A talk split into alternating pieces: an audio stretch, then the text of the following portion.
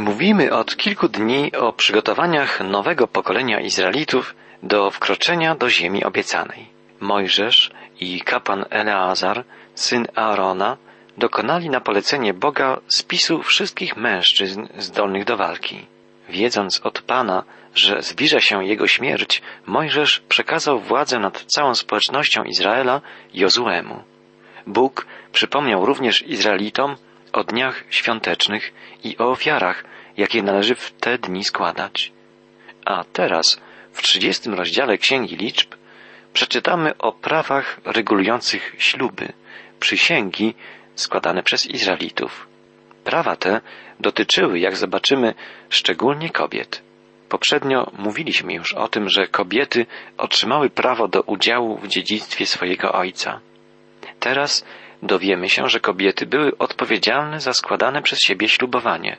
To znaczy, że ponosiły odpowiedzialność przed Bogiem na równi z mężczyznami. Nie wiem, czy wszyscy pamiętamy, że gdy studiowaliśmy poprzednią, trzecią księgę mojżeszową, czyli księgę kapłańską, odkryliśmy, że dla Boga śluby przez nas składane są bardzo ważne i że Bóg traktuje je bardzo serio. Cały rozdział, ostatni rozdział Księgi Kapłańskiej poświęcony jest, jak pamiętamy, temu tematowi właśnie. Przypomnijmy, że główna prawda, jaka wyłoniła się wtedy, kiedy studiowaliśmy ten fragment biblijny z naszych rozważań, brzmiała następująco. Nie można składać Bogu ślubów, przyrzeczeń nieprzemyślanych, pochopnych. Mimo, że są one dobrowolne, to jednak Bóg traktuje je bardzo poważnie. I gdy już złożymy mu jakiś ślub, wymaga, żebyśmy go wypełnili. Wydaje mi się, że dzisiaj wypowiadamy zbyt wiele przyrzeczeń i składamy zbyt wiele obietnic naszemu Panu. Nie zdajemy sobie sprawy z tego, jaką mają one wagę, jaką mają wagę dla Boga i jaką mają wagę dla nas. Mają one moc wiążącą. Przynajmniej tak traktuje je Bóg. Niestety, my nieraz składamy je lekkomyślnie, bez zastanowienia. Pewien kaznodzieja, kończący już swoją długą i owocną służbę, wzywał ludzi do głębokiego namysłu przed złożeniem Bogu jakiegokolwiek ślubu, za wyjątkiem ślubowania przyjęcia Jezusa Chrystusa jako swego Zbawiciela. Właściwie kaznodzieja ten wręcz zniechęcał ludzi do składania Bogu jakichkolwiek innych ślubów. Pytany o to, dlaczego tak uważa, odpowiadał Widziałem już tak wielu ludzi, którzy składali Bogu w uniesieniu emocjonalnym wspaniałe obietnice.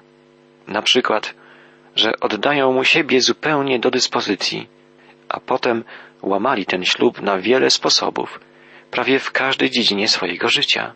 Pamiętajmy, Bóg nie żąda od nas ślubów. Są one dobrowolne, ale jeśli złożymy Bogu jakiś ślub, to Bóg oczekuje, że go wypełnimy. Przeczytajmy początkowe wiersze 30 rozdziału Księgi Liczb, czyli czwartej Księgi Mojżeszowej. Mówił Mojżesz do wodzów pokoleń izraelskich te słowa. Oto co nakazuje Pan. Jeśli mężczyzna złoży ślub Panu, albo zobowiąże się do czego przysięgą, nie może łamać swego słowa, ale winien wypełnić dokładnie to, co wyrzekł swoimi ustami. Jest to prawda dotycząca również nas, chrześcijan, dzisiaj.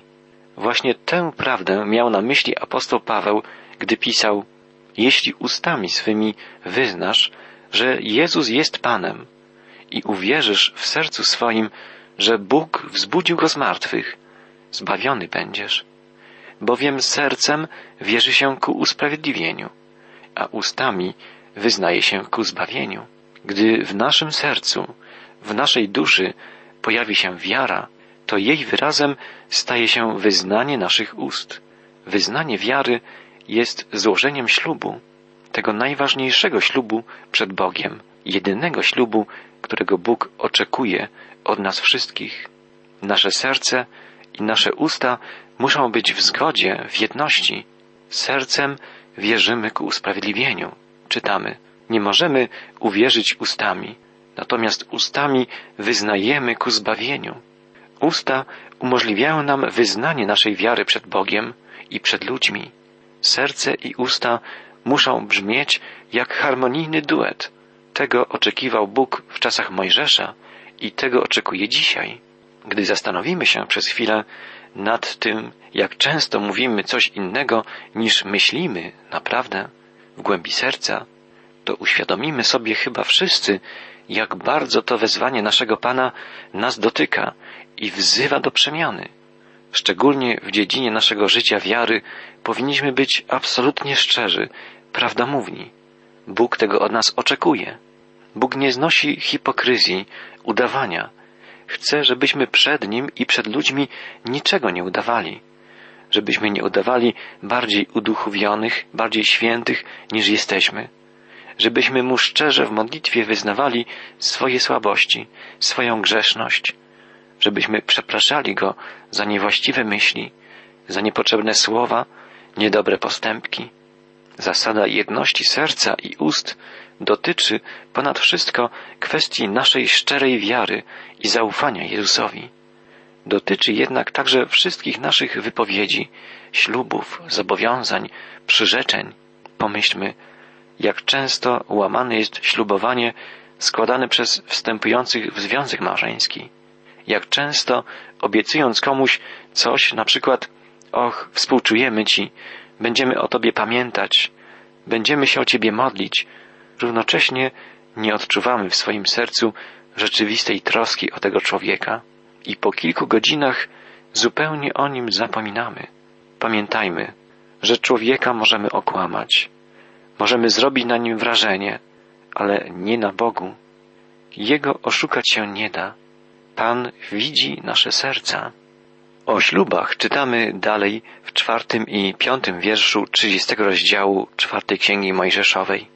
Gdy kobieta złoży ślub Panu lub podejmie jakie zobowiązanie, to w wypadku, gdy jest jeszcze młoda i mieszka w domu swego ojca, a ojciec wie o jej ślubie czy zobowiązaniu, które uczyniła i nie sprzeciwia się, wówczas ślub, jakikolwiek by był, i zobowiązanie będą ważne.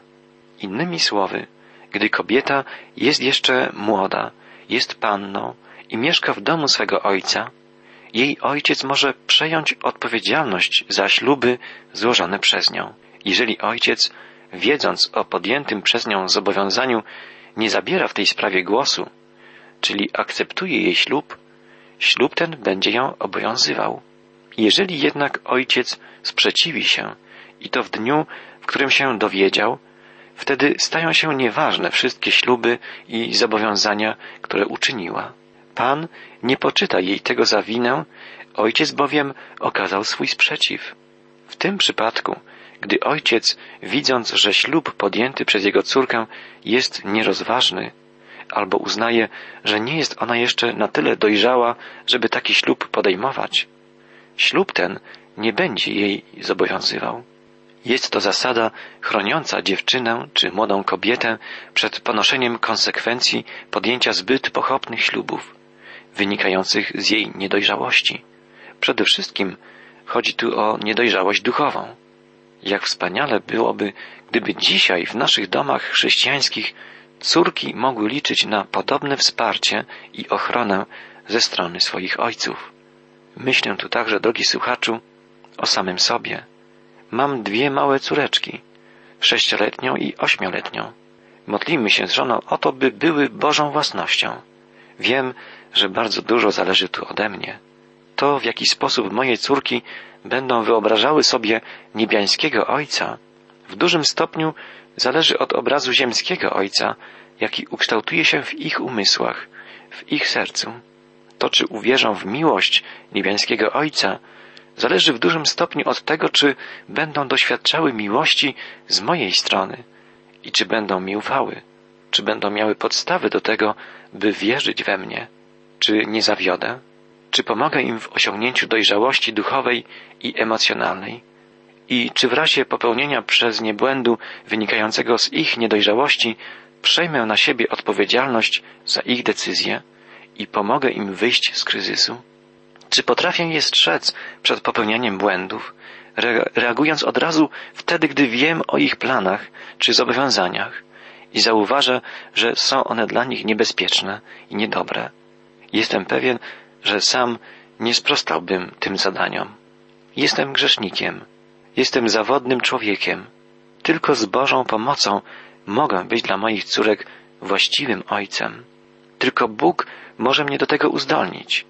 Bardzo wiele w życiu każdej kobiety zależy od jej ojca.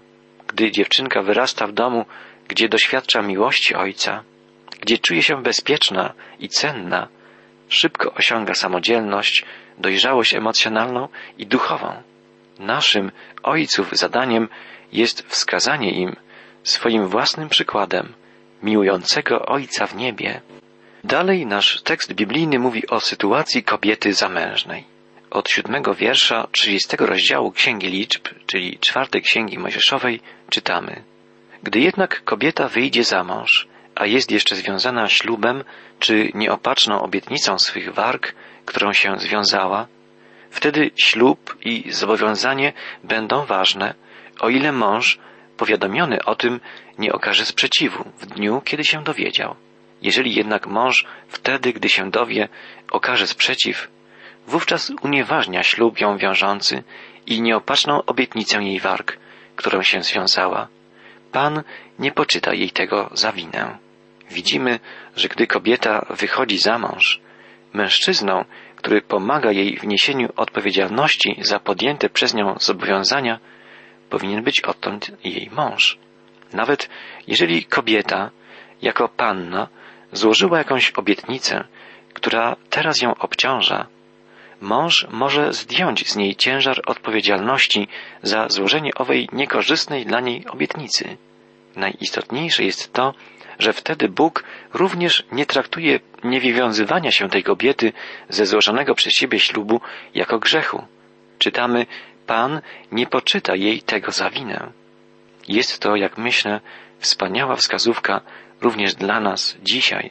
Wiemy z nauczania apostoła Pawła, że wzorem relacji między mężem a żoną powinna być dla nas relacja pomiędzy Chrystusem i Kościołem.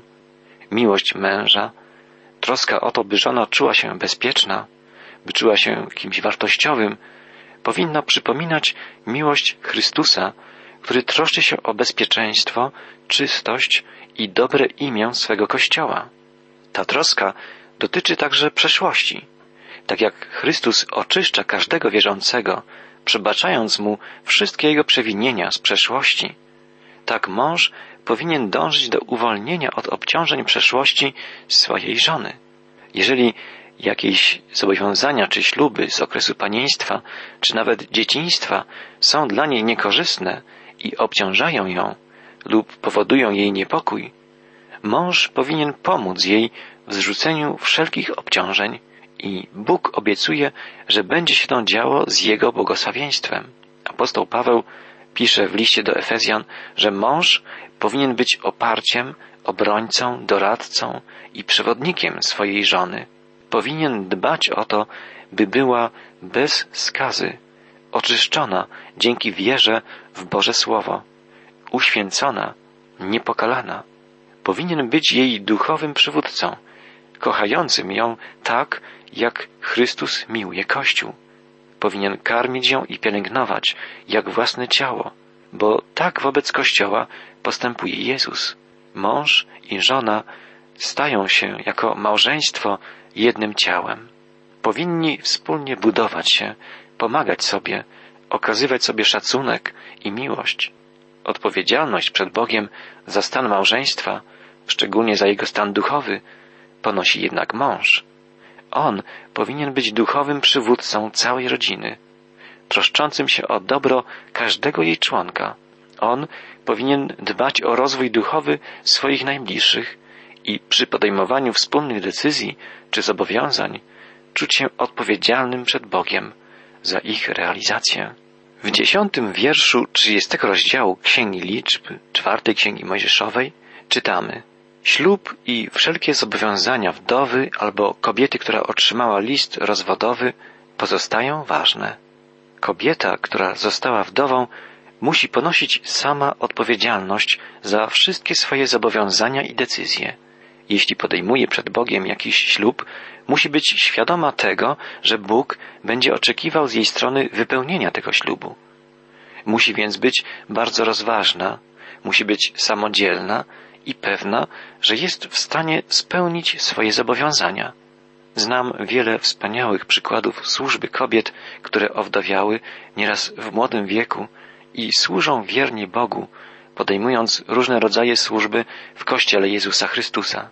Angażują się w życie swoich parafii, swoich wspólnot, odwiedzają starszych i chorych, prowadzą szkółki niedzielne dla dzieci, koła modlitewne, spotkania biblijne, angażują się w działalność charytatywną i diakonijną.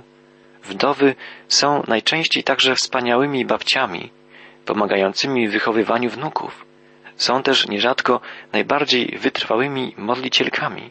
Modlą się o wiele, wiele spraw, o sprawy całej rodziny. Módlmy się i my o wdowy. Ich życie nie jest łatwe. Muszą samodzielnie, nieraz samotnie radzić sobie z wszystkimi obowiązkami i wyzwaniami dzisiejszych czasów. Drogi bracie i siostro, módlmy się o wszystkie osoby starsze, osamotnione i bądźmy gotowi, by im pomóc w taki sposób, na jaki tylko nas stać. Módlmy się nieustannie za wszystkich chorych i cierpiących. Bóg ich bardzo miłuje, skoro ich doświadcza. Również i nas Pan chce błogosławić poprzez ich obecność pośród nas. Wkład wdów i w ogóle kobiet w życie Kościoła Jezusa Chrystusa w Polsce i na całym świecie jest ogromny.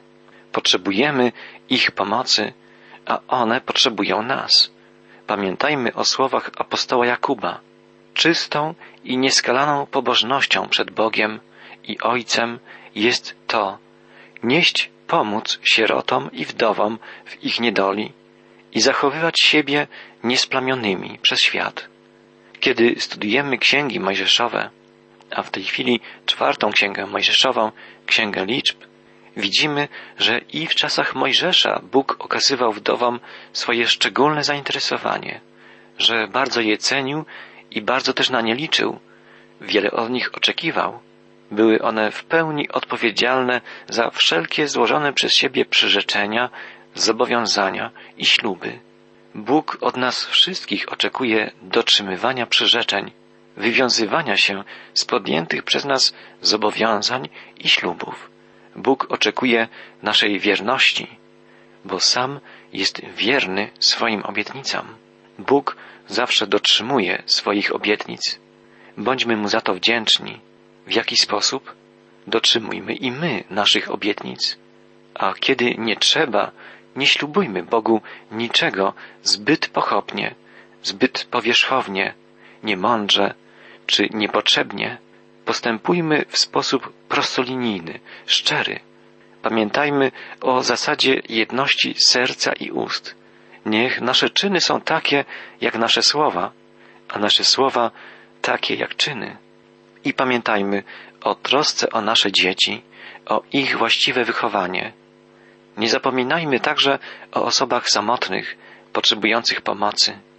Niech zachętą na co dzień będą dla nas słowa Pana Jezusa, który powiedział swoim uczniom, cokolwiek uczyniliście jednemu z tych najmniejszych, mnie uczyniliście.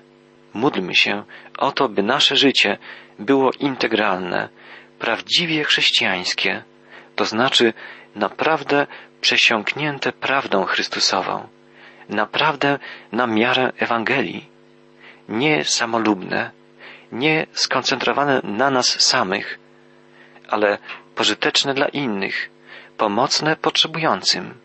Takim przecież było życie i dzieło naszego Mistrza, Zbawiciela i Pana, Jezusa Chrystusa.